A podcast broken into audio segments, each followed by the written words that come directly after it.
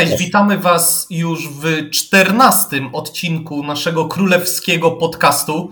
Wchodzimy chyba w ten najbardziej ekscytujący okres pierwszej części sezonu, kiedy zaczynają być już decydujące rozstrzygnięcia w fazie grupowej Ligi Mistrzów. No a także zbliża się to, co tygrysy lubią najbardziej, czyli klasyk na, chciałem powiedzieć na Camp Nou, no nie, klasyk w Barcelonie a o tych wydarzeniach, które miały miejsce w tym tygodniu, a także zapowiedź tego no niewątpliwie hitu najbliższego weekendu, porozmawiam z Danielem Franoszem, z prowadzącym konto Los Galacticos na Twitterze. Siemka, cześć. A także Rafał Sierchej z redakcji sportowej Interi. Cześć wszystkim. Mnie już pewnie kojarzycie, chociaż przez jakiś czas mnie nie było w ostatnich odcinkach ze względu na różne obowiązki zawodowe, ale z tej strony Przemek Olszewik i jestem na co dzień dziennikarzem przeglądu sportowego. No to panowie, no to myślę, że możemy uporządkować ten odcinek i chronologicznie podejść do tego, co się wydarzyło. Zacznijmy od naszej wycieczki do Andaluzji i meczu z Sevillą. Wasze wrażenia, refleksje, wnioski po tym, co się wydarzyło?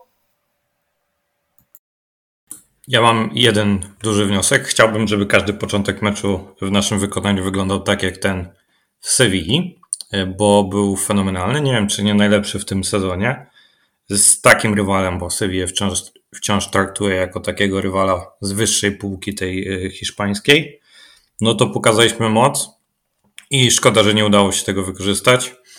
Trochę pewnie nie pomógł nam sędzia, ale no niestety, po prostu skończyło się bez goli i potem E, widać było, że trochę z sił opadliśmy, no bo to, to musiało się wydarzyć naturalnie, gdy trzech z naszych zawodników, czterech, bo jeszcze Rudiger, czterech z naszych zawodników właśnie wróciło z zaoceanicznych podróży, więc musieli upaść e, trochę fizycznie i, i to jest normalne. Myślę, że taki był plan Carlo Ancelottiego właśnie, żeby wykorzystać ten początek, a potem kontrolować mecz. No nie wyszło, więc, więc plan się nie powiódł. Ogólnie w meczu z Sevillą myślę, że głównym powodem, dlaczego straciliśmy punkty, była fatalna dyspozycja napastników i no, totalnie nie dowieźli. Tak słabego meczu Rodrygo to nie wiem, czy to nie był jeden z najgorszych meczów Rodrygo e, ogólnie odkąd dołączył do nas, bo no, już abstrahując od tych marnowanych sytuacji, to, to kompletnie nic nie dawał drużynie i może to martwić z tego względu, że w meczu z Bragą znowu grał bardzo słabo. Strzelił bramkę, ale dalej to nie było to samo i jeśli on nie, nie, zacznie dowozić, to myślę, że możemy tracić dużo punktów, szczególnie na wyjazdach, w, takich meczach, gdzie rywal potrafi dobrze bronić, gdzie y, ci ten niski blok u nich chodzi i, i Rodrigo nie potrafi się odnaleźć. Najlepszy na pewno był Bellingham w meczu z Sevillą. Cross dwójka takich najlepszych piłkarzy, co Jude cały czas brał na siebie gdzieś tam odpowiedzialność, pokazywał się do gry między liniami, napędzał te akcje, był cały czas faulowany i jeśli tam chyba był odgwizdany na 7 faulów, z czego jeszcze kilka było takich, co myślę, że sędzia na luzie mógł je odgwizdać. I myślę, że Jude Jude mm, robi, robi mnóstwo rzeczy dobrych i, i mam nadzieję, że Rodrigo i Vinicius dołączą do niego i ten trójząb zacznie chodzić lepiej w lidze. Ja a propos y, Rodrigo chciałem powiedzieć, że mi się podobał właśnie, ale tylko w pierwszych 15 minutach w Sewilli był taki energiczny, rozbiegany. To był ten Rodrigo, którego widzieliśmy przed y, wrześniową przerwą na kadry moim zdaniem, który nie dowodził liczbowo, ale dowodził jeśli chodzi o grę. A Potem po tych pierwszych 15 minutach, no tak jak e, cały zespół trochę opadł i właściwie to nie widzieliśmy go do, do drugiej połowy, gdzie miał dwie sytuacje, no i powinien przynajmniej jedną z nich wykorzystać, ale wiemy jak to jest w tym sezonie z Rodrigo w tym, w tym aspekcie. Ja wam powiem, że kiedy obudziłem się w niedzielę rano po tym meczu na PiS One, to to co czułem to był po prostu zawód, bo Mecz z Sevillą, która w tym sezonie, powiedzmy sobie szczerze, nie należy do hegemonów Ligi Hiszpańskiej. Cały czas rozumiem tytuł klubu, jakość piłkarzy, którzy w niej są, że to mimo wszystko jest Sevilla. No ale ten zespół jest w kryzysie. To był z tego, jeżeli dobrze pamiętam, jeżeli nie, to mnie poprawcie, debiut nowego trenera na ławce Los Nerviones, więc spodziewałem się znacznie więcej. I taki mój główny wniosek, który był po tym spotkaniu, to zamysł, że no możemy stracić bramkę, ale strzelimy o jedną czy o dwie więcej niż przeciwnik, na dystansie całego sezonu no nie ma szans się sprawdzić.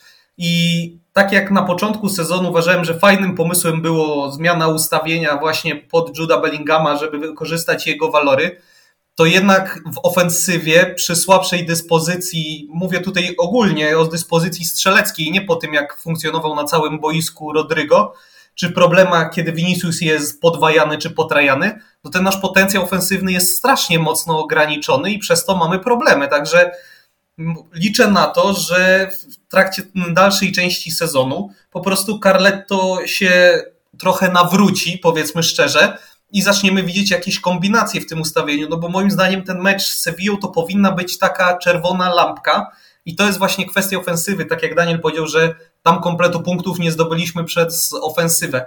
Ale też trzeba spojrzeć na tyły, bo kolejny raz bramkę tracimy po naprawdę prostych, prozaicznych wręcz błędach środkowych obrońców w kryciu czy w przesuwaniu. I to miało miejsce z Sevillą i to miało miejsce we wczorajszym meczu, bo rozmawiamy w środę, na wyjeździe z Bragą. Tam też ten gol stracony, no więcej niż można było tego uniknąć.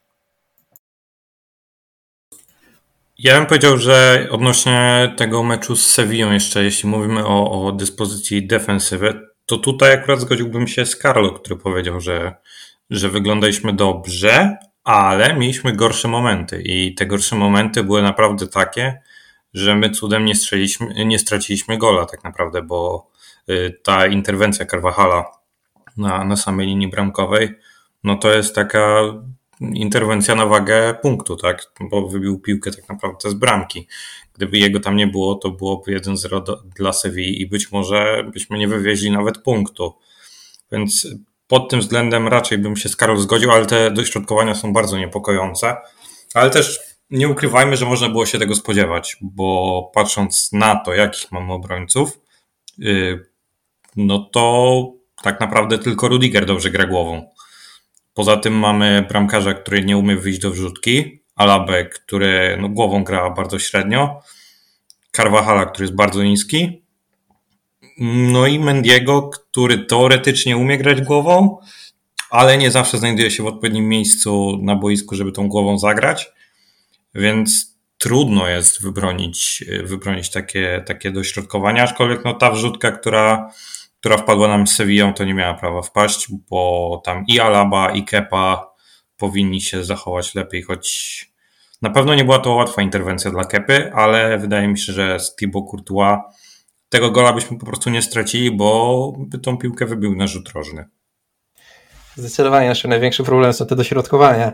I doszliśmy do takiego momentu przez kontuzję Militao i Courtois, że dosłownie nikt poza Rudigerem i Chouameni nie potrafi grać głową. Mm, tak w sensie Nacho i Alaba są niscy, nie mają takiej skoczności, Mendy nie potrafi się ustawiać i nawet jak jest silny fizycznie i ciężko go przepchać, to i tak on cały czas gubi te krycie. Carvajal, mimo że ostatnio częściej dochodzi do sytuacji strzeleckich głową, to i tak to nie jest jego jakaś mocna strona. Fede nawet ostatnio mówił, że główki to totalnie coś, czego nienawidzi cross wiadomo i no, każde dośrodkowanie wprowadza tyle jakiegoś chaosu i zamieszania. Rywal tak łatwo dochodzą do sytuacji strzeleckich po jakichś totalnie prostackich dośrodkowaniach. To nie, nawet nie musi być coś e, wy, wymierzonego. Po prostu luta w pole karne i praktycznie w połowie sytuacji jakoś dotrą do tej sytuacji. Wszystko jeszcze dopełnia ten kepa, co na przedpolu jest fatalny i mimo, że na linii refleksem się broni, to, to, to wychodzenie na przedpole totalnie u niego szwankuje. I jeśli nie zaczniemy jakoś łatać tych systemem, bo nie ma co polegać na indywidualnościach w kwestii dośrodkowań. Nie mamy indywidualności pod bronienie e, wrzutek. I jeśli nie zacznie to Ancelotti jakoś łatać systemem, gdzie po prostu wyobrażam sobie, nie wiem, że musimy podwajać tych napastników wysokich, czy coś, łatwo to powiedzieć, trudniej zrobić, ale no Ancelotti musi jakoś y, taktyką zakryć te mankamenty całej naszej kadry, bo inaczej nie wyobrażam sobie tego, jak my będziemy dalej w lidze wyglądali, gdzie tak naprawdę w lidze hiszpańskiej większość drużyn ma takich y, wysokich turów na napastnikach, co potrafią dośrodkowywać, polegać właśnie na tym, gdzie głównie ich y, taką bronią jest, są stałe fragmenty gry i tak dalej, więc co, co, musi martwić. Zarówno z Sevillą, jak z Bragą to widzieliśmy. No właśnie, dlatego wiecie co, też mam takie spostrzeżenia, że jeżeli twoim problemem, w tym przypadku naszym problemem, jest obrona przy dośrodkowaniach, no to jako trener masz dwa kroki, żeby temu zapobiegać. Po pierwsze, nie dopuszczać do dośrodkowań, gdzie jest potrzebna bardzo dobra postawa bocznych defensorów i konieczna asekuracja ich przez w naszym przypadku skrajnych, środkowych pomocników, żeby unikać tych dograń w pole karne, tak jak tutaj też wspomniał, żeby to po prostu była zwykła wstrzelona piłka, która sieje popło w polu w obliczu naszej defensywy. A drugi taki krok, no to jest odpowiednie ustawienie się w polu karnym i bycie bardzo blisko napastników, krycie bardzo ścisłe, aby po prostu on nie był w stanie dojść do piłki, tak? No bo jeżeli mamy obrońców, tak jak wspomnieliście, Mendiego, który jest silny i który potrafi się przepychać, mamy Alabę, który potrafi się odpowiednio ustawiać w polu karnym, no to moim zdaniem można ich wykorzystać na taki sposób, żeby oni blokowali umiejętnie nie tyle strzały, tylko blokowali napastników rywali szukających sobie miejsca w tym polu karnym i nie dawali im możliwości oddania strzału na naszą bramkę, więc myślę, że to jest element, nad którym trzeba jeszcze bardzo dużo pracować w tym sezonie i cały sztab Realu Madryt zapewne zachodzi w głowę, jak to zrobić, no ale no to jest myślę taki jeden z koniecznych y, warunków na to, żebyśmy funkcjonowali dobrze w tym sezonie, mając z tyłu głowy to, co będzie się działo w najbliższą sobotę.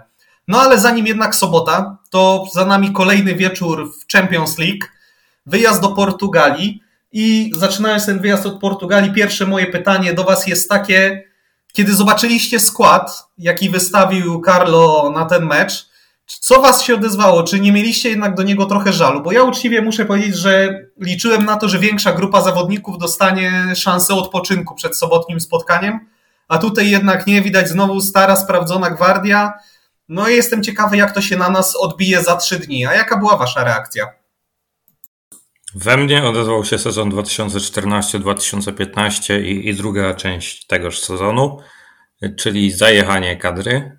No bo też liczyłem na to, że większa liczba zawodników dostanie odpoczynek, chociażby Carvajal, który no przecież wiemy, że nie jest okazem zdrowia i, i często łapie jakieś kontuzje mięśniowe, mniejsze, większe, no ale taka mniejsza kontuzja tak naprawdę teraz wykluczałaby go z występu w Clasico.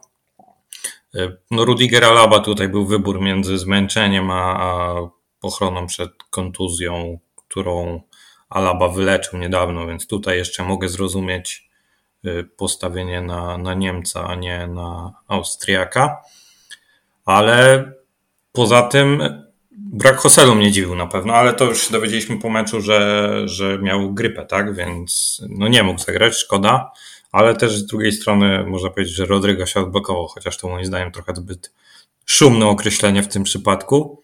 Ale na pewno ja liczyłem na 6-7 zmian w stosunku do tego, jak zagraliśmy e, z Sevillą. Nawet tego Bellingama można było zdjąć, też mu odpocząć, albo żeby wszedł w drugiej połowie co pokazał zresztą ten mecz, bo, bo Jude skończył go z jakimś tam przeciążeniem. Nie wiemy jeszcze, czy to, czy to coś poważnego. Karol twierdzi, że nie, więc oby miał rację. Ja się w sumie nie zgodzę z narzekaniem na skład. Moim zdaniem jest w porządku. Jedynym jakimś moim zastrzeżeniem był faktycznie ten Carvajal, co martwiłem się, że, że takie natężenie meczów może źle na niego wpłynąć, ale też trzeba powiedzieć uczciwie, że Lukas y, nie dowozi tego, co Carvajal dowozi i teraz mamy już dwa ciężkie wyjazdy za sobą. Bragę i, i Napoli. Tak naprawdę 9 na 9 punktów i zostało nam jedno zwycięstwo i mamy już dwa mecze, gdzie możemy totalnie odpłynąć i dawać y, rezerwowym grać. I przy założeniu, że wyjdziemy z pierwszego miejsca, co jest bardzo ważne, wiadomo. I ten mecz, y, ten mecz był ciężki i trudny rywal i musieliśmy to wygrać, więc ja nie dziwię się, że Vinicius Bellingham czy Fede wyszli w pierwszym składzie. E, czy Carvajal właśnie, to tacy nietykalni zawodnicy, na których e, nie, nie, mamy nikogo, co zagwarantowałby nawet do 70% ich jakości, więc w tym przypadku się nie dziwię. Mnie bardziej martwi to, w jaki sposób Ancelotti e, reaguje na wydarzenia boiskowe zmianami. Tutaj mam więcej zastrzeżeń, bo moim zdaniem można było wcześniej zmienić Bellingama, gdzieś prowadzić tego Brahima, można było zdjąć Fedę, wpuścić Krosa na te ostatnie 20 minut, y, Lukasa można było, można było wpuścić za Carvajala. Już rozumiem, że ciężki mecz i, i broniliśmy głęboko, praktycznie w obronie Częstochowy ostatnie 20 minut, ale już można było zaryzykować ten remis i, i wpuścić mm, świeżą krew, tak żeby na pewno nic się nie stało, bo widzieliśmy, że Bellingham szedł tam z dyskomfortem pachwiny, Rudiger od razu po meczu się położył i miał skurcze, e, całe szczęście, że Carvajal i Fede wyszli z tego całego Vinicius, to wiadomo, że to jest dzik, co nie odnosi kontuzji poza tym, co się zdarzyło teraz, no ale koniec końców wyszło chyba dobrze, bo wygraliśmy i wydaje się, że Bellingham nie ma jakiejś poważnej kontuzji, ma być gotowy na, na klasyk, jak pisał e, Kirante przed chwilą. Więc ja jestem zadowolony, zwycięstwo, zrotowany Mendy, co bardzo ważne, odpoczęty Alaba, Cross, Chouameni, ja nie narzekam. Szkoda tylko, że Hoselu miał tą grypę, bo, bo mógł zagrać dzisiaj, znaczy wczoraj. No właśnie, a pociągnę ten wątek, bo dyskutując tutaj na początku sezonu zwracaliśmy uwagę, że jest to pewna zmiana właśnie w zarządzaniu meczem przez Carla Ancelottiego, że te zmiany są robione wcześniej, tych zmian jest więcej i widać, że jakby włoski szkoleniowiec wyciągał wnioski z tego, co działo się w końcówce poprzedniego sezonu, kiedy nawet w meczach, nazwijmy to Pietruszkę, wówczas wtedy jeszcze Karim Benzema, który miał za trzy dni grać w Lidze Mistrzów, wcześniej ciągnął oddechy do dechy i widać było, że tej pary brakowało. Teraz jakby wracamy się do tego, co było. Waszym zdaniem to jest przemyślana strategia, czy po prostu z braku laku, czy naprawdę tak mocno drży Carletto o wynik aż do ostatniej minuty, że nie chce podejmować tylu zmian i nawet robić ich wcześniej, powiedzmy w okolicach 55-60 minuty? Ja myślę, że to jest tak, że Carlo po prostu podobało się to, jak wyglądała drużyna, szczególnie w pierwszej połowie i na początku drugiej. Strzeliśmy gola na 2-0, więc y, miał prawo być zadowolony moim zdaniem. A że zmiany zrobił dopiero w momencie, kiedy straciliśmy gola, to też jest w miarę logiczne, chociaż wiadomo, że kibice siedząc przed telewizorami, czy my pewnie oczekujemy, że, że ci piłkarze, którzy siedzą na ławce, taki Brahim Diaz chociażby, będą wchodzili wcześniej, a tak naprawdę on nie powącha nawet murawy w tym, w tym meczu, co jest y, no, niezrozumiałe moim zdaniem. Więc tutaj akurat y, myślę, że wynikało to z sytuacji meczowej i z tego, że Karlo był zadowolony z tego, jak wyglądała drużyna. Ale w większości meczów mm, ja mam takie przekonanie, że Carlo nie lubi zmieniać. Carlo nie lubi zmieniać y, składu mecz do meczu i nie lubi zmieniać składu w trakcie meczu, jeśli, jeśli coś mu się nie podoba. Chyba, że wybitnie mu się nie podoba. Tak jak Kamavinga na początku swojej przygody w Realu Madryt kilka razy mu się wybitnie nie podobał więc chodził po, po pierwszej połowie do, do szatni i już nie wracał na boisko. Ale tak to mam wrażenie, że w tej kwestii Karlo jest naprawdę dużym tradycjonalistą. Ja się bym naprawdę zdziwił, jak Ancelottiemu by się podobała nasza gra. W sensie wynik na pewno mógłby się podobać, jak byliśmy na 2-0, ale ogólnie mam wrażenie, że ten mecz y, był nieudany z naszej strony. Wiadomo, że mieliśmy, byliśmy już myślami w klasyku i i chcieliśmy jak najniższą linią oporu po prostu przejść przez ten mecz, zdobyć trzy punkty, zapomnieć i, i lecieć dalej, ale trzeba uczciwie przyznać, że no, to, to był słaby mecz w naszym wykonaniu, przynajmniej w mojej opinii, gdzie naprawdę bardzo dużo czasu spędzaliśmy w tym głębokim bloku, gdzieś broniąc się praktycznie całym składem na, na 30 metrze, puszczając kontrę na Viniciusa, e, dopuściliśmy do wielu okazji e, Braga miał wiele okazji, gdzie ten wynik mógł być naprawdę całkowicie inny. Mieliśmy szczęście, że jak zwykle Bellingham potrzebuje po prostu jednego strzału, żeby, żeby zdobyć bramkę, jednego takiego, jednej dogodnej okazji. To jest ogólnie, tak myślę, że domena nasza w tym sezonie, gdzie po prostu mamy Bellingama, co ładuje z niczego gole i mamy innych, w tym domyślę Rodrigo i Hoselu, co marnują wiele tych okazji i, i Zastanawiam się, jak to będzie wyglądało, gdy, gdy Bellingham się zatnie, bo musi znaleźć moment w tym sezonie, gdzie, gdzie Bellingham przestanie strzelać dosłownie z wszystkiego. Te bramki, gdzie, gdzie zatnie mu się celownik i, i będzie marnował okazję. Wtedy czy Rodrigo, Hoselu i Vinicius, u których te wykończenie zazwyczaj mniej lub bardziej szwankuje, czy wezmą odpowiedzialność za dostarczanie liczby na siebie, bo pomocnicy, znaczy nie ma co liczyć na pomocników. Wiadomo, że zawsze Fede może dorzucić jak, jakąś bombę z daleka, ale Kamavinga, Modric, Cross czy Chouameni nigdy nie byli bramkostrzelni i, i ogólnie ten mecz ponownie pokazał, że, że ciekawe jak to będzie wyglądało, gdy Bellingham się zatnie, przynajmniej ja takie miałem odczucie. Okej, okay, no to słuchajcie, tak Myślę, że też tutaj mogę nawiązać do jednego z poprzednich odcinków naszych podcastów, gdzie też wygłosiłem taką teorię, że Carlo Ancelotti to jest trener, który jest gotowy umrzeć ze swoimi pomysłami i nawet jeżeli będzie zdawał sobie sprawę, że coś jest nie tak, to to nie jest trener, który łatwo rozsta się z zawodnikami, którzy coś dla niego zrobili, więc jak będzie trzeba, to pójdzie na dno ze swoją armią. No i tak to też niestety trochę wygląda, mam takie wrażenie. Na pomeczowej konferencji prasowej też Carlos zwracał uwagę, że rozegraliśmy dobry mecz, ale cierpieliśmy jak zawsze.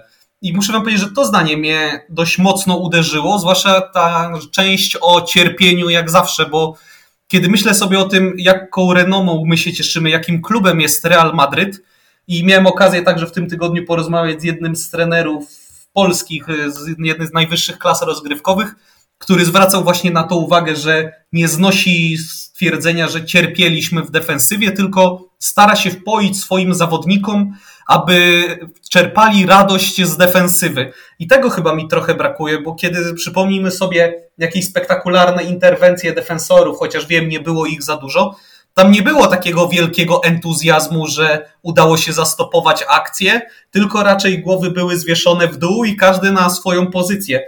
Tego mi trochę brakuje, takiego podejścia mentalnego naszego w defensywie, aby jednak takie małe rzeczy, które potem składają się na końcowy rezultat, czy jest korzystny, czy nie, no jednak sprawiały nam radość, bo jeżeli spojrzymy zobaczcie na niektórych zawodników w Lidze Mistrzów, którzy po dobrym ślizgu cieszą się prawie tak, jakby strzelili bramkę, no to jednak pokazuje, że ci zawodnicy mentalnie zupełnie inaczej podchodzą, że defensywa to nie jest przykry obowiązek, ale to jest wydatna pomoc drużynie. Ja myślę, że tu trzeba spojrzeć na, na rangę rywala, bo nieraz widzieliśmy Rudigera, który po jakimś ślizgu tak się cieszył euforycznie, więc myślę, że tu po prostu nie było takiej napinki ze strony naszych piłkarzy, żeby po prostu cieszyć się z, każdej, z każdej takiej małej rzeczy. To, to było zadanie do wykonania, odbębnione, wykonane, trzy punkty zdobyte, więc z tego się trzeba cieszyć. A myślę, że takie bardziej euforyczne reakcje zobaczymy w sobotę, jeśli będą, będą, będą ku temu okazje, to, to na pewno Rudiger y, czy Alaba, bo to są tacy, albo Fede, to są tacy piłkarze, którzy mogą zareagować w ten sposób, y, czy będą się cieszyć z jakiegoś ślizgu, jakiejś y, obrony, czy, czy czegoś takiego, jakby normalnie strzelili gola, więc tutaj myślę, że trzeba zwrócić uwagę na to, że graliśmy po prostu z Bragą, z całym szacunkiem dla, dla portugalskiego zespołu oczywiście, ale to nie jest taki rywal, który generuje u piłkarzy emocje na poziomie El Clasico, czy, czy starcia z Bayernem, Manchesterem City i tak dalej, i tak dalej. Nawet jeśli mówimy o tym, że, że Liga Mistrzów, że Real Madryt jest królem Ligi Mistrzów, to myślę, że trzeba brać to pod uwagę i to był ten najmniej ważny z y, trzech meczów w tym okresie po E, po przerwie na kadry w, w październiku, moim zdaniem, i, i tak po prostu podeszła do tego drużyna. Ja bym nie przywiązywał jakiejś większej wagi do, do używania sformułowania, że cierpieliśmy. Ogólnie mam wrażenie, że mm, to, że cierpimy, mm, nie do końca jest dobre. E, w sensie, jak chodzimy tak do głębokiego bloku i, i gdzieś tam bronimy praktycznie całym składem na 30 metrze, to nie jest y, dobre, że tak często to się zdarza nam, ale to też wprowadza wiele mm, wprowadza dobre rzeczy też, bo przypominam sobie Manchester City i jego niepowodzenia w poprzednich sezonach, nie mówię o tym ostatnim, ale tych wcześniejszych. Odnosiłem wrażenie, że oni właśnie nie potrafili cierpieć w obronie, y, że jak schodzili do głębokiego bloku, gdzie rywal zaczął dominować, a oni mieli już na przykład y, jakiś zjazd fizyczny i tak dalej, to totalnie tracili kontrolę nad meczem, gubili się, byli totalnie zestresowani, nie wiedzieli co ze sobą robić i to było, to nie było, oni nie byli przygotowani pod to, żeby rywal ich dominował. Oni cały, cały czas chcieli dominować i jak rywal przejął mm, kontrolę nad meczem, to już totalnie sypał im się plan na mecz. Naszą siłą jest właśnie to, że nawet jak rywal przyjmuje kontrolę nad meczem i my musimy przejść do głębokiego, głębokiego bloku, to i tak, i tak mniej więcej wiemy, co robić, nie panikujemy, są, jesteśmy spokojni, yy, wiemy, jak się ustawiać, kogo kryć i tak dalej. I to było właśnie najbardziej widać w naszym zwycięskim sezonie, co wygraliśmy Ligę Mistrzów 2-1-2. To tam ile było sytuacji, gdzie my właśnie zostaliśmy totalnie zepchnięci i myśleliśmy sobie, nie no to już jest koniec, y, że nie damy rady i mimo wszystko nawet y, z totalnie zmodelowaną obroną gdzieś z, Vale, z Vallejo czy Lukasem na boisku dalej potrafiliśmy cierpieć w tym niskim bloku i może Ancelotti właśnie chce wprowadzić takie, taką atmosferę, że nawet jak jest totalnie tragiczna sytuacja boiskowa, że jesteśmy zepchnięci całym składem pod własne pole karne, to nie jest źle. My jesteśmy przyzwyczajeni, umiemy cierpieć, wiemy co robić i, i nie, mamy, nie ma co panikować. Może chcę prowadzić taką atmosferę, gdzieś takie przeświadczenie do zawodników, że, że, że potrafimy to robić, potrafimy cierpieć i wyjdziemy z tego i nawet jak stracimy kontrolę na 30 minut, to potem my ją przyjmiemy. Tak, ja w tej kwestii zgadzam się raczej z Danielem, jeśli chodzi o to cierpienie, bo to też jest sposób na, na mecz, moim zdaniem. Musisz przez jakiś czas cofnąć się do defensywy, żeby trochę odpocząć, a też wiemy, jakie mamy argumenty w ofensywie, tak? Mamy szybkiego Fede, mamy szybkiego Rodrygo, mamy super szybkiego Viniciusa i każdy z nich może tak naprawdę samodzielnie wyprowadzić jakąś zabójczą kontrę, więc cofając się tak głęboko do defensywy, sprawiamy, że rywal wychodzi wyżej i zostawia miejsce za plecami, więc też trzeba patrzeć e, na to, bo moim zdaniem to jest istotny aspekt e, taktyczny w, w tym temacie cierpienia, bo my to często wykorzystujemy, tak? Wystarczy przypomnieć sobie akcję z Manchesterem City, gdzie Vini e, ograł Fernandinho, chyba jeśli dobrze pamiętam to, to dostał piłkę tak naprawdę na, na wyścigi od Ferlana Mendiego. On był sam, skończył akcję i mieliśmy gola, więc a, a wyszliśmy wtedy właśnie z takiej głębokiej defensywy, więc to jest, to jest moim zdaniem plan na poszczególne fazy meczu w wykonaniu Carlo Ancelottiego i to słowo cierpienie mnie jakoś bardzo nie razi, szczerze mówiąc. Okej, okay, no to słuchajcie, poświęciliśmy myślę sporo czasu na prześwietlenie Ancelottiego, jego pomysłu na grę oraz decyzji w ostatnich dwóch spotkaniach. Więc teraz myślę, że możemy przeanalizować sobie formacja po formacji tę próbę generalną przed El Clasico, jakim był mecz z Bragą. No i zacznijmy od bramkarza, czyli od Kepy, bo ze statystyk, które wpadły mi w ręce, to są dwie interwencje udane, 40 kontaktów z piłką i 6 na 11 celnych długich wykopów. Więc liczby nie wiem, czy do końca oddają to, jak faktycznie wyglądał Kepa w tym spotkaniu. Mam mieszane uczucia od początku, kiedy po prostu on skoczył do bramki. Chyba jeszcze nie było żadnego meczu, w którym w pełni przekonałby mnie do tego, że to jest pierwszy bramkarz dla nas. Ciekaw jestem waszego zdania na ten temat. Czy Kepa, waszym, czy Kepa broni się swoją dyspozycją tym, aby być tą jedynką? Moje zdanie od początku jest e, dosyć klarowne i dla mnie to Unin powinien być jedynką, bo nie zasłużył w żaden sposób, żeby, żeby nią nie być. A że Kepa przyszedł, e, zarabia lepsze pieniądze i tak dalej, i tak dalej, no to Kepa jest jedynką i moim zdaniem nie jest to mm, wybór na podstawie formy, tylko na podstawie nazwiska i, i tego, żeby wypożyczony zawodnik nie był tym, który będzie narzekał, bo Unina możesz posadzić, on jest przy, przyzwyczajony do tego, no ale jak ściągasz kepę, to, to nie możesz go posadzić i no i mnie kepa nie przekonuje w, w żadnym momencie. Tak naprawdę e, no miał jedną taką interwencję w ostatnich kilku meczach, który mnie zachwycił i to była ta postrzale e, Sergio Ramosa, ale wiemy, że on to potrafi robić. Tylko problem jest w tym, żeby on wychodził do piłki i nie dopuszczał do tych e, strzałów głową, bo wtedy będzie bezpieczniej pod naszą bramką po prostu. Więc dla mnie to jest mocno średni sezon y, Kepy, nawet jeśli liczby ma dobre. Ja się nie dziwię, że Kepa od razu szedł jako starter, e, z tego względu, że ja totalnie nie miałem zaufania do Unina w poprzednim sezonie, ogólnie poprzednich. E, rozumiem, że miał solidny presezon i dobre dwa mecze, gdzie w tym sezonie.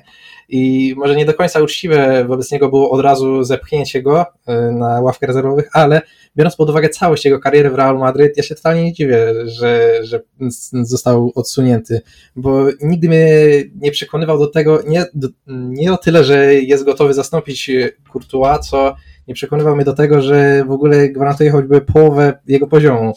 I Kepa też mnie nie przekonuje, szczególnie jego gra na przedpolu, to jest fatalna i jeszcze zwróciłbym uwagę na grę nogami, bo myślałem, że to będzie jeden z jego atutów, gdzie będzie gwarantował spokój i wyprowadzanie piłki i tak dalej, ale ja nie jestem totalnie spokojny, gdy on wyprowadza piłkę. Mam wrażenie, że już abstrahując od dalekich podań, co wiele jego dalekich podań jest niecelnych i źle wymierzonych, to głównie te krótkie podania gdzieś, jak y, głównie domeną Ancelottiego jest to, że on zaprasza przez drugiej kadencji Real Madrid, zaprasza rywali do tego, by wyszli wysoko, wysokim pressingiem, by nawet całym składem wyszli na naszą połowę, byśmy mogli szybko wyprowadzać kontry na tych szybkich naszych zawodników i do tego potrzebujemy bramkarza, co nie boi się grać piłką, i mam wrażenie, że Kepa wiele popełniał tych błędów gdzieś w takich krótkich podaniach. Nie do końca są one wymierzone na lepszą nogę, takie dopieszczone, gdzie Courtois popełnił duży, duży progres pod tym względem, względem pierwszych sezonów i byłem z niego zadowolony pod tym względem, ale Kepa, Kepa mnie nie przekonuje. Jedynym jego atutem jest na pewno ten refleks, gra na linii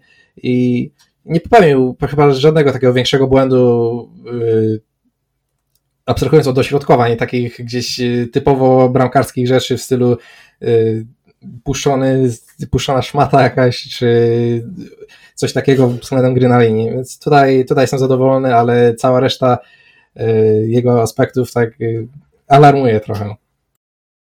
No ja mam wrażenie, że to jest bramkarz, który jest po prostu poprawny w tym, co robi. To nie jest człowiek taki jak Thibaut Courtois, który jest w stanie ci wybronić mecz i uratować trzy punkty lub awans do kolejnej rundy w pucharach, kiedy jest taka potrzeba, tylko bramkarz, który wyjdzie, zrobi swoje, ale nie oczekuj żadnych fajerwerków od jego występu, a czasem może się mi przytrafić jakiś błąd, który trzeba będzie naprawiać. No po prostu, no, gdyby było inaczej, to zapewne nie byłby to gość, którego Chelsea tak łatwo by do nas wypożyczyła i się z nim pożegnała bez żadnego żalu, więc tak to na ten dzień dzisiejszy wygląda. No dobra, słuchajcie, no to przeskakujemy szczebel wyżej do formacji obronnej. Czwórka, która wyszła w Portugalii. Myślę, że to był występ dość, dość poprawny. Najwięcej ja osobiście uwag za to spotkanie mam do Frana Garcia, bo to jest kolejny mecz, kiedy nie podoba mi się to, jak wygląda jego dyspozycja do przodu. Nie daje tyle, ile by mógł, a do tego dochodzi jego błąd w ustawieniu przy stracie bramki bo to on jednak zrobił dziurę pomiędzy nim a Nacho, nie przesunął na czas, z tego straciliśmy bramkę. A na plus, mimo wszystko, jak dla mnie najlepszy zawodnik defensywy to Antonio Ridiger. Znowu bardzo dobry mecz, bardzo dużo wygranych pojedynków, jednak mimo wszystko w zespole, który tak jak Real Madryd chce grać piłką, chce to rozgrywać od tyłu, chce grać pięknie, no jest ci potrzebny przynajmniej jeden taki stoper zakapior, wysoki, silny, który nie będzie bał się tych boiskowych zapasów, który wejdzie w walkę wręcz. Myślę, że taki człowiek to już dawno, chyba od odejścia, dawno, od odejścia Sergio Ramosa nie mieliśmy piłkarza o takim profilu, który wchodząc do defensywy dawałby tyle pewności. Także jakie jest wasze zdanie na ten temat? Ja się zgodzę z tym e, Franem w pełni. Mnie się też nie podobał. Miał jeden akcent ofensywny, to była ta wrzutka na, na woleja do, do Juda.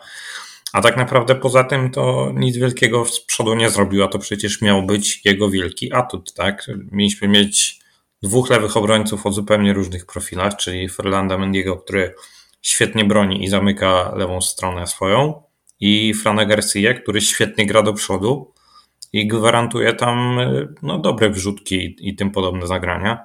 A tak naprawdę Fran nie gwarantuje obecnie moim zdaniem nic. Jest taki bardzo przezroczysty. Ten błąd przy, przy golu jest y, oczywisty, a tam moim zdaniem też trochę Nacho się zabiegł. Chociaż bardziej też skłaniam się ku temu, że, że Fran przesunąć powinien do, do Nacho. Ale no, no Fran nie jest piłkarzem, na którego ja patrzę i z przekonaniem wystawiam go na jakikolwiek ważny mecz bo obecnie po prostu nie daje moim zdaniem argumentów. Jakim cudem on został powołany do reprezentacji Hiszpanii, to ja nie wiem, bo oglądam co weekend Alejandro Grimaldo i to jest zupełnie inny poziom. Zdecydowanie Fran najgorszy z linii obrony. Pierwsza połowa jego wykonania była moim zdaniem ok, w sensie po prostu nie robił, nie przeszkadzał i nie robił nic pozytywnego. Po prostu taki piłkarz widmo, który widać, że stresuje się, który nie do końca może jest grany zespołem i tak dalej. Potem miałem wrażenie, że było tylko gorzej i, i faktycznie Fran nie widzę, nie widzę u niego atutów piłkarskich, bo wiadomo, że fizycznie to jest y, bestia i on zawsze odbuduje formację, zawsze gdzieś tam nadrobi ten teren, y, powalczy i tak dalej, ale nie umie grać głową przez swój wzrost, technicznie jest na bardzo niskim poziomie, nie potrafi gdzieś tam szukać, gdzieś napędzać akcji, podawać, dryblować. W pojedynkach z dryblerami też jest moim zdaniem średni zazwyczaj. Czasami potrafi zarzucić dobrą wrzutką i to, to faktycznie tylko nie wiem, czy to jest y, czy jego dobre dośrodkowania wynikają z tego, że on ma ułożoną stopę, czy wynikają z jakiegoś przypadku, bo oglądając jego grę, wydaje mi się, że on nie ma ułożonej stopy i, i często wiele jego dośrodkowań polega na tym, że on nawet nie patrzy na, na to, gdzie wrzuca. I więc nie wiem, dowiemy się pewnie wraz z końcem tego sezonu, na ile te jego dobre dośrodkowania, które obecnie widzimy, to jest efekt jego umiejętności, czy jakiegoś zbiegu okoliczności.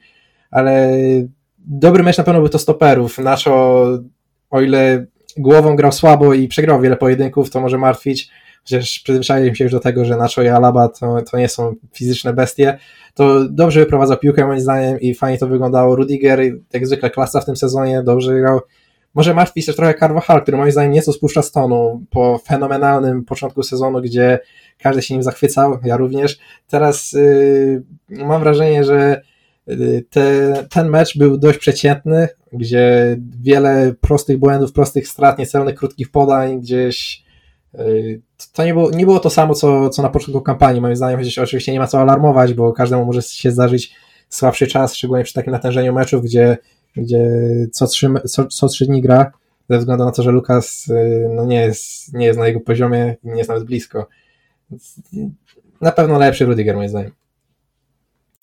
Okej, okay, no to defensorów mamy ocenionych. Przechodzimy zatem do środka pola i tutaj chciałbym, żebyśmy skupili się na tym tercecie Modric, Kamavinga, Valverde.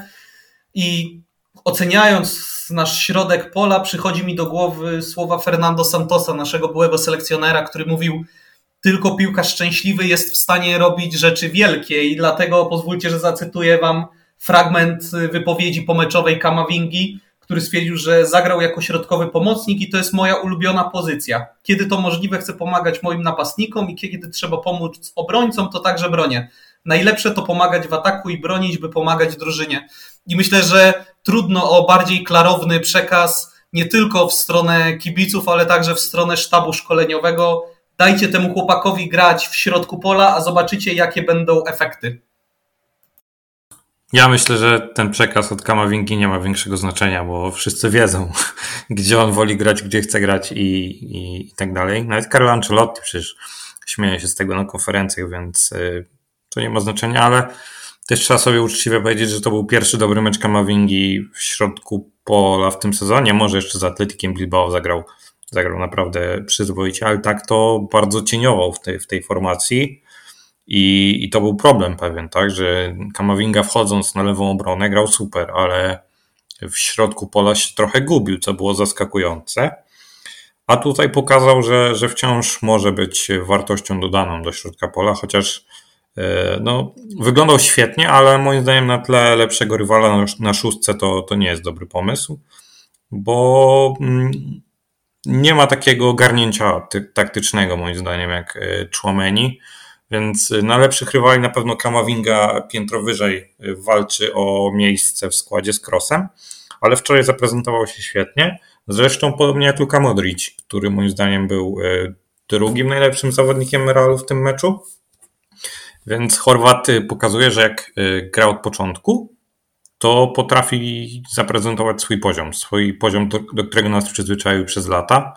Tak samo było z Osasuną a jak wchodzi z ławki, jak z Sevillą, no to są pewne problemy.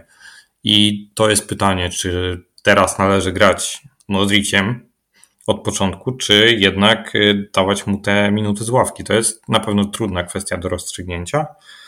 Y, ale po tym meczu na pewno Fede, Fede mógłby martwić, ale wiemy też, że jest po tych za, zaoceanicznych podróżach, o których mówiliśmy.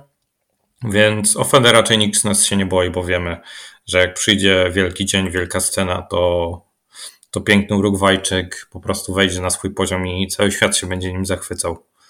Więc tutaj mam najmniejsze obawy, ale Lukita naprawdę zaimponował, pokazał, że, że wciąż może dawać radę na tym najwyższym poziomie, no bo takim jest Liga Mistrzów. Kamavinga zdecydowanie był najlepszy środka pola, moim zdaniem. I ogólnie ta, tak mi imponowała jego fizyczność. To wiadomo, to nie jest nic nowego, że, że Kamavinga fizycznie jest bestią, ale w tym meczu to był po prostu bulldozer, który doskakiwał za każdym razem do, do rywali. On zanotował 7 odbiorów y, i wygrał chyba 13 pojedynków, coś takiego. To był kosmos, że można mieć tyle siły i, i ta jego fizyczność dużo bardziej wychodzi faktycznie jak gra w środku pola i nawet w tym sezonie, gdzie moim zdaniem piłkarsko Kamavinga jako środkowy pomocnik zazwyczaj zawodzi, e, to, to jego fizyczność nigdy nie zawodzi i, i zawsze widzimy to, że on odbuduje formację, doskoczy, podejmie próbę odbioru, e, że po prostu pochłania multum tego terenu, przestrzeni, że jest takim typowym box to box, co nigdy nie odkłada nogi. I zgodzę się z twierdzeniem, że to był pierwszy taki bardzo dobry mecz Kamavingi jako środkowego pomocnika w tym sezonie. I Kamavinga był moim zdaniem drugim największym zawodem moim po Rodrygo oczywiście w tym sezonie, bo spodziewałem się, że Diamond będzie mu służył i on jako ten lewy interior po prostu nie będzie postawiał wątpliwości, że ja jestem tu starterem, ja ode mnie zaczyna się praktycznie gdzieś ustalanie składu i tak dalej, a tymczasem y, no, przegrał rywalizację z Crossem w moich oczach i, i zostało mu teraz y, gdzieś próba odbudowania swojej pozycji jako starter właśnie w takich meczach gdzieś z Bragą i tak dalej. I, i faktycznie zgodzę się z tym, że, że fizyczność Kamavingi w środku pola jest dużo lepsza, ale atuty piłkarskie jako dużo bardziej widzę te atuty piłkarskie jak gra na lewej obronie gdzieś, gdzie nie jest tak kryty, gdzie przyjmuje piłkę nieco głębiej, może ją podprowadzić, może widzi więcej właśnie yy, może to, może to też wynika z tego, że znamy dobrze naszych lewych obrońców, Frank Garcia i Mendy to, to piłkarsko nie stoją nawet yy, blisko Kamavingi. I może to taki dysonans, że gdy widzimy kogoś na tej lewej obronie, co potrafi grać piłkę, potrafi podawać, dryblować i tak dalej, to może aż wyolbrzymiamy to, to wszystko, ale szkoda, że Kamavinga tak nie lubi tej lewej obrony, bo przynajmniej dopóki nie mamy kogoś topowego, mm, wiadomo marzeniem Davis, to, to mógłby tam częściej grać, choć wiemy, że, że nie podoba mu się to. Drugi najlepszym w środku, w środku pola na pewno Modric. I tutaj z Modriciem jest taka kwestia, że on najlepiej gra im jest głębiej ustawiony, mam wrażenie, Real Madryt, że jak on wchodzi z ławki, to często on jest rzucany gdzieś tam y, do przodu, żeby gonić wynik, gdzie szukać sobie miejsca w ofensywnej tercji między liniami i tak dalej, to nie wygląda dobrze on już dynamicznie to, to nie jest najwyższy możliwy poziom pod fizyczności i widać, że on chce dyrygować atakiem pozycyjnym gdzieś z głębi pola, e, gdzieś dotykać cały czas piłki, nie musieć się przepychać z obrońcami, szukać sobie skrawka miejsca, tylko on chce, on chce zagrywać piłki, a nie być adresatem. I kwestia taka, że odnoszę wrażenie, że mamy lepszych od Modricia w tym, w tym względzie, mimo że Luka był totalnie topowy e, wczoraj pod tym względem, to Cross i Chouameni są moim zdaniem poziom wyżej, e, może nie tyle pod względem rozgrywania, co ogólnie całości, bo poza rozgrywaniem też dostarczają wiele innych rzeczy, a Luka obecnie w swojej dyspozycji gdzieś poza tymi kwestiami mm, piłkarskimi e, odstaje fizycznie, gdzieś trzeba stać blisko niego, asekurować go, pochłaniać więcej terenu, gdzie gdyby nie Kamavinga, co fizycznie jest bestią, to mam wrażenie, że mm, podwójny pivot z Modriciem mógłby wyglądać dużo gorzej, jakby dołożyć do niego kogoś, e, kto nie pochłaniałby tyle terenu i, i nie doskakiwałby tak do każdego. Więc no Modric jest po prostu dobrym rezerwowym, co wszyscy znamy jego jakość piłkarską i w takich meczach jak ten z Bragą może dostarczyć wiele dobrego, ale na pewno nie chciałbym go zobaczyć w meczu z Barceloną i mam nadzieję, że Ancelotti wyciągnie wnioski z, z z Atletico i, i nie popełni takiej głupoty. Ostatni to Fede, to faktycznie to zmęczenie u niego chyba wyszło, bo, bo to był moim zdaniem mecz. Y, mimo, że ponownie on może być totalnie zmęczony, ale i tak y, fizycznie zawsze dowiedzie i, i widzieliśmy to, że odzyskiwał te piłki i potrafił gdzieś odbudować formację, to piłkarsko, piłkarsko moim zdaniem kiepsko. Okej, okay, no to w takim razie został nam jeszcze ten tercet atakujących, który był ze względu na to, że nad Judem Bellinghamem rozpływaliśmy się w naszych odcinkach, praktycznie w każdym się rozpływamy i łapiemy się za głowę, co wyczynia ten wspaniały Anglik więc ja tutaj bym raczej chciał skupić się w swojej kwestii na Rodrygo i przełamaniu wielkim, jak już na Twitterze też kilka już kwestii byłem w stanie przeczytać, że to może być game changer. Osobiście się z tym nie zgadzam. Dla mnie ten gol Rodrygo to nie będzie game changer w jego dyspozycji strzeleckiej. Dla napastnika najważniejsze jest to, żeby miał jak najwięcej sytuacji. Jeżeli one będą, no to wiadomo, że już po prostu z czystego prawdopodobieństwa te bramki też się pojawią, tak? No wiem, że Rodrygo tych sytuacji marnował mnóstwo, teraz w końcu mu się udało i do siatki trafił. kwestia tego, że właśnie kiedy obok niego jest Vinicius, no to ma zapewnioną dość dobrą obsługę czy serwis, jak to mawiają Hiszpanie. I jest tych okazji czystych do strzelenia bramki wypracowanych mu, a nie takich, które sam musi wypracować, znacznie więcej. Dlatego, jeżeli miałbym ja przewidywać, to raczej bym hamował te pozytywne nastroje, mówiące o tym, że to już będzie nowy Rodrygo, tylko czekał, bo dalej będzie to zawodnik, który mimo tylu sytuacji będzie zdobywał tylko pojedyncze bramki, a ten jeden gol nic nie zmienia. Aczkolwiek myślę, że warto będzie go trzymać dalej na boisku, bo jednak właśnie ten jeden gol, ten jeden można powiedzieć przebłysk, który on może mieć, że w końcu tą piłkę do siatki skieruje, no może w końcowym rezultacie zaważyć o wyniku spotkania, co może być dla nas bezcenne. Tak, ja się pełni z Tobą zgadzam. Moim zdaniem to nie było jakieś wielkie przełamanie Rodrygo. Vinicius po prostu nabił go piłką, tak, więc e, no, trudno było z tego nie strzelić, chociaż wiadomo, że, że zdarzają się takie sytuacje w futbolu, że nawet takiej sytuacji się nie wykorzystuje. Ale przełamania to ja oczekuję przede wszystkim w jego grze, bo od tej wrześniowej przerwy na, na kadrę to nie widzimy Rodrigo grającego w piłkę, tylko Rodrigo, który się gdzieś tam pałęta i, i szuka sobie pozycji na murawie. Więc pod tym względem ja przełamania wczoraj nie zobaczyłem.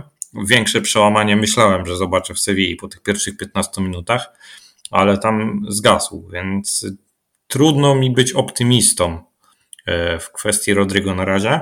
Zobaczymy, może klasyk pokaże, że, że wszyscy się tutaj myliliśmy i Rodrigo faktycznie się przełamał tym, tym golem. Potrzebował takiego nabicia z, z kilku centymetrów do bramki. Miejmy tak, taką nadzieję, ale no moim zdaniem daleko jest od tego, chociaż ważne jest to, że powrócił uśmiech na jego twarz i, i to może też być e, jakimś tam małym zwiastunem optymizmu w, w tej kwestii. Więc z Rodrigo spokojnie, ale ale może, może to coś da. No. Zobaczymy. Trzeba liczyć na to, bo nie wiadomo nawet, czy Hoselu będzie, Hoselu będzie gotowy na, na El Clasico przez tą grypę, więc może się okazać, że będziemy mieli na ławce okrągłe zero napastnika na zmianę i no nie będzie to optymalna sytuacja. Rodrigo moim zdaniem się by tak totalnie przełamał, gdyby do tego gola dorzucił jeszcze dobrą grę. A dobrej gry w ogóle nie było w jego wykonaniu moim zdaniem był totalnie niewidoczny i nie wyglądało to dobrze. Mieliśmy w linii Viniciusa, co odciskał pietą na każdej akcji i mieliśmy Rodrygo, który po prostu gdzieś tam próbował się pokazywać do gry, ale nie wychodziło mu to.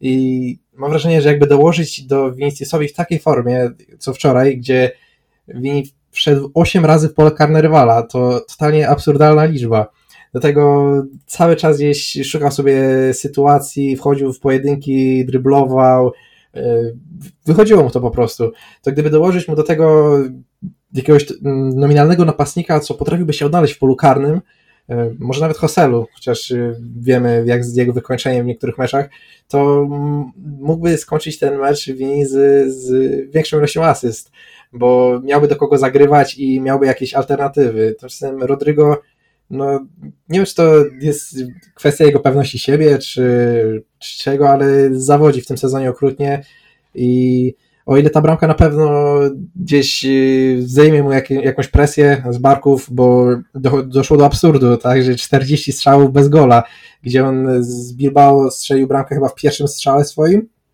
i potem następne 40 40 uderzeń e, było po prostu bez, bez bramki. To miał chyba ponad 6 XG, w pewnym do, doszedł do takiego momentu z jedną bramką. Nie widziałem takiego, takiego czegoś od nie wiem kiedy, naprawdę. Więc dobrze się odblokował, bo, bo musiał mu to siedzieć na bani. No i zobaczymy, jak to będzie wyglądało. Chociaż ja nie jestem na pewno optymistą, bo, bo jego gra nie przekonuje. Ja jeszcze, jak powiedziałeś o, o Viniciusie, to ja się odniosę do, do Winiego, bo moim zdaniem to był pierwszy taki naprawdę duży, dobry mecz Viniciusa w tym sezonie. Wiadomo, z Napoli strzelił gola, yy, miał chyba też asystę, jeśli dobrze pamiętam. Więc yy, no, to był taki mecz na przełamanie, na pewno. Na pewno bardziej dla Viniciusa niż yy, dla, dla Rodrigo, no bo możemy mówić, że z, z Osasuną zagrał świetnie, ale to wciąż była tylko Osasuna, jakby nie patrzeć a tutaj już mamy Ligę Mistrzów, większa scena i tak dalej, więc y, Vinicius wczoraj był moim zdaniem świetny. był najlepszym e, piłkarzem naszego zespołu we wczorajszym meczu i miejmy nadzieję, że to jest dobry zwiastun, bo chyba pierwszy raz w El Clasico od e, dawna nie zagra na Ronaldo Araujo, tylko na Joao Cancelo. Więc to może być dla nas naprawdę dobry omen, bo Cancelo zostawia dużo przestrzeni za swoimi plecami i trzeba będzie to wykorzystać, a Vinicius wczoraj pokazał, że i fizycznie wraca na swój poziom, bo objeżdżał tych e, obrońców Bragi jak chciał po prostu i pod względem driblingu, bo też ich tam w polu karnym robił jak, jak chciał. I pod względem też takiej e, czystej skuteczności, no bo ta sytuacja, która, którą miał sam na sam po spalonym e, uchem, no to, to było bardzo dobre wykończenie. Był spokój, była precyzja, było wszystko tak naprawdę.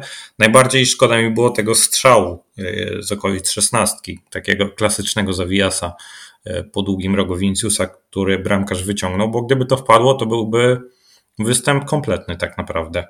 E, I tylko tego brakowało, żeby powiedzieć, że Vinicius zagrał fenomenalny mecz, a tak to zagrał po prostu bardzo dobrze, zagrał na swoim poziomie, do którego nas przyzwyczaił przez ostatnie dwa sezony. I miejmy nadzieję, że już te zaoceaniczne koszmary, które poniekąd widzieliśmy w Sewilli, po prostu od niego odleciały. I teraz będziemy oglądali Viniciusa, do którego jesteśmy przyzwyczajeni, bo ten z Bragą zagrał bardzo dobrze i, i moim zdaniem trzeba to podkreślać, bo dużo było krytyki ostatnio na, na Winim. Okej, okay, słuchajcie, no to myślę, że to, co już za nami, czyli te mecze w tym tygodniu mamy rozłożone na czynniki pierwsze i wyczerpująco przeanalizowane. Więc y, ostatnia część y, naszego dzisiejszego spotkania, no to musimy zapowiedzieć w jaki sposób to, co się wydarzy w sobotę. Wiadomo, że to będzie wielki mecz, bo klasyk zawsze jest takim spotkaniem, niezależnie od tego, w jakiej aktualnie dyspozycji, czy na których y, pozycjach w tabeli są te dwie ekipy. Natomiast powiem Wam szczerze, że może to jest związane z tym, że jeszcze faktycznie jest kilka dni do tego meczu, ale ja nie odczuwam jakoś podniesionego ciśnienia czy jakiejś wielkiej napinki w związku z tym, że będziemy grali w Barcelonie. Powiem Wam szczerze, że ten mecz, właśnie ze względu na to, że w tabeli ligowej jest tak duży ścisk w pierwszej trójce, tak naprawdę nie zadecyduje o niczym w tym sezonie. To jest mecz, który może zweryfikować aktualną naszą dyspozycję na tle powiedzmy silnego rywala, chyba najsilniejszego, z jakim mierzyliśmy się do tej pory. Tutaj można by dywagować, czy to będzie Barcelona, czy Neapol, jeżeli chodzi o potencjał piłkarski tych zespołów. Aczkolwiek nie oczekuję, powiem Wam szczerze, nic tak naprawdę po tym meczu. Czy będę zadowolony z tego bardziej wyniku, czy z tego, czy zagramy dobry widowiskowy mecz? Myślę, że mimo wszystko w takich starciach cel uświęca środki. Nawet jeżeli byśmy mieli przepchnąć kolanem 1-0, to jestem skłonny przyjąć ten wynik w ciemno, podpisać się pod tym i to wziąć, ale też no, nie będzie można wtedy popadać w samo zachwyt w przypadku zwycięstwa, ani specjalnie karcić zespołu w przypadku porażki, bo tych kolejek jest jeszcze na tyle dużo i zawirowania formy, a także kontuzji jest tyle, że wszystko może się obrócić o 180 stopni. No, trzeba powiedzieć, że tutaj, tak jak powiedziałeś, celu święca środki i takie 1-0 po bezbarwnym też przyjmiemy z największą przyjemnością. Trzeba moim zdaniem wykorzystać yy, te słabości, które ma Barcelona w defensywie, bo pokazuje to ten sezon, że no nie bronią najlepiej, tak? Znowu Ter Stegen musi, musi ich ratować, ale w zdecydowanie większej liczbie sytuacji niż, niż w poprzednim sezonie, tak mi się przynajmniej wydaje. Nie, nie oglądałem żadnych liczb, więc trzeba na pewno to wykorzystać i trzeba moim zdaniem wykorzystać też te przestrzenie, które zostawiają za plecami, bo jak Balde i Cancelo razem wychodzą do, do przodu, to tak naprawdę zostaje tylko dwóch stoperów i ewentualnie defensywny pomocnik albo, albo Gavi. Więc y, to jest mało i myślę, że trzeba. Podobał mi się ten pomysł, który mieliśmy w Sewilli, o tak powiem, bo tam dużo graliśmy y, długich piłek na początku i wydaje mi się, tak y, z perspektywy przed telewizorem, że to może być pomysł na to, aby Barcelonę ukąsić, bo tam jest chyba ich słaby punkt. Takie jest moje zdanie. Dla mnie ten klasyk jest bardzo, bardzo ważny z tego względu, że wiemy, że jesteśmy teraz na prowadzeniu w tabeli, chociaż y, Atletico jak wygra następny mecz, to można nas prześcignąć, ale w każdym razie jak przegramy go, to nie dość, że Barcelona zyska bardzo duży boost pewności siebie, że zwyciężyli z Realem Madryt bez praktycznie połowy podstawowego składu, tak, bo yy, nie mają dwóch podstawowych pomocników, chociaż nie wiemy, czy Franki zdąży wyzdrowieć, chyba nie. Nie mają też yy, Lewandowskiego, tak? Yy, przynajmniej nie będzie w rytmie. Nie wiem, czy, nie wiem, czy się wykurują w końcu, czy nie. Tam jest dużo niepewności z tego względu, że ten sztab medyczny w Barcelonie yy, wiemy, jak działa. W każdym razie, nawet jak wyzdrowieją ci niektórzy piłkarze, to dalej są totalnie bez rytmu, bez, bez jakiejkolwiek y, takiej pewności siebie boiskowej. Jeśli oni wygrają z Realem Madryt, prześcigną nas tabeli, mm, jeszcze Girona może wygrać, też nas prześcignie, spadniemy na trzecie miejsce. Jeśli jak Atletico wygra, to też nas prześcignie. Więc tak naprawdę porażka w tym meczu może spowodować to, że z pierwszego miejsca spadniemy na czwarte, co, co jest totalnym absurdem. Z, z, z takiego, no jest taki ścisk, no więc tak to może wyglądać. I wiemy, że to może nic nie znaczyć w perspektywie całego sezonu, bo bo przed nami multum meczów jeszcze, to, to będzie to na pewno duży, duży cios dla pewności siebie zawodników, szczególnie, że przed nami potem jeszcze mecze z Rajo, z Valencją, czy wyjazd do Cadizu, y, Cadiz to już po, po, po przerwie na reprezentację, ale no może, to, może to bardzo negatywnie na nas wpłynąć i mam nadzieję, że no przynajmniej jak nie, bo wiem jak Ancelotti potrafi kombinować w niektórych ligowych meczach z topowymi, z topowymi zespołami. Więc mam nadzieję, że przynajmniej tego nie przegramy, tak żeby nie było tragedii, gdzie faktycznie możemy skończyć na tym czwartym miejscu. Oczywiście celujemy zwycięstwo, bo przy takich problemach zdrowotnych e, Barcelony, chociaż my też mamy swoje, musimy, musimy wygrać, nawet jak to będzie, nawet gramy na wyjeździe. Też celowałbym tutaj właśnie w te kontry gdzieś, chociaż boję się, że Ancelotti tak bardzo postawi na te kontry, że całkowicie oddamy pole i, i zaprosimy Barcelonę pod nasze pole karne wręcz, tak żeby puszczać te kontry na Rodrigo i Viniciusa i to będzie moim zdaniem kiepski, yy, kiepskie rozwiązanie. Musimy też mieć momenty, gdzie będziemy my kontrolowali mecz, gdzie będziemy posiadali piłkę i, i będziemy próbowali narzucić jakieś swoje założenia taktyczne Barcelonie. Więc yy, kurde, jestem trochę, jestem trochę zaniepokojony tym, że, że możemy, możemy mocno spaść w tabeli po tym meczu, chociaż trzeba być y, dobrej myśli i, i mam nadzieję, że, że dobrze zagramy ten mecz. Okej, okay, no to słuchajcie. Zapożyczając fragment jeden z audycji radiowych, które ostatnio słucham, krótka piłka tak zwana, czyli zadam wam ostatnie pytanie i prosiłbym o tylko wskazanie trzech nazwisk, bo patrząc na skład, jaki może wybiec w Barcelonie, tak naprawdę wątpliwości moje, nie wiem czy wy się będziecie z tym zgadzać, są tylko i wyłącznie o dokładną obsadę tego tercetu środkowych pomocników i szybkie odpowiedzi od was, kogo byście widzieli w środku pola. Chłomeni, Cross, Fede. Ja również Chłomeni, Cross, Fede. No to tutaj jedność, można powiedzieć, jest u nas wspaniała, bo zgadzamy się pod tym względem, więc jeżeli uda się ten mecz wygrać, to można powiedzieć, że pomogliśmy Carlo Ancelottiemu wytypować tą jedenastkę, która sięgnie po trzy punkty w Barcelonie.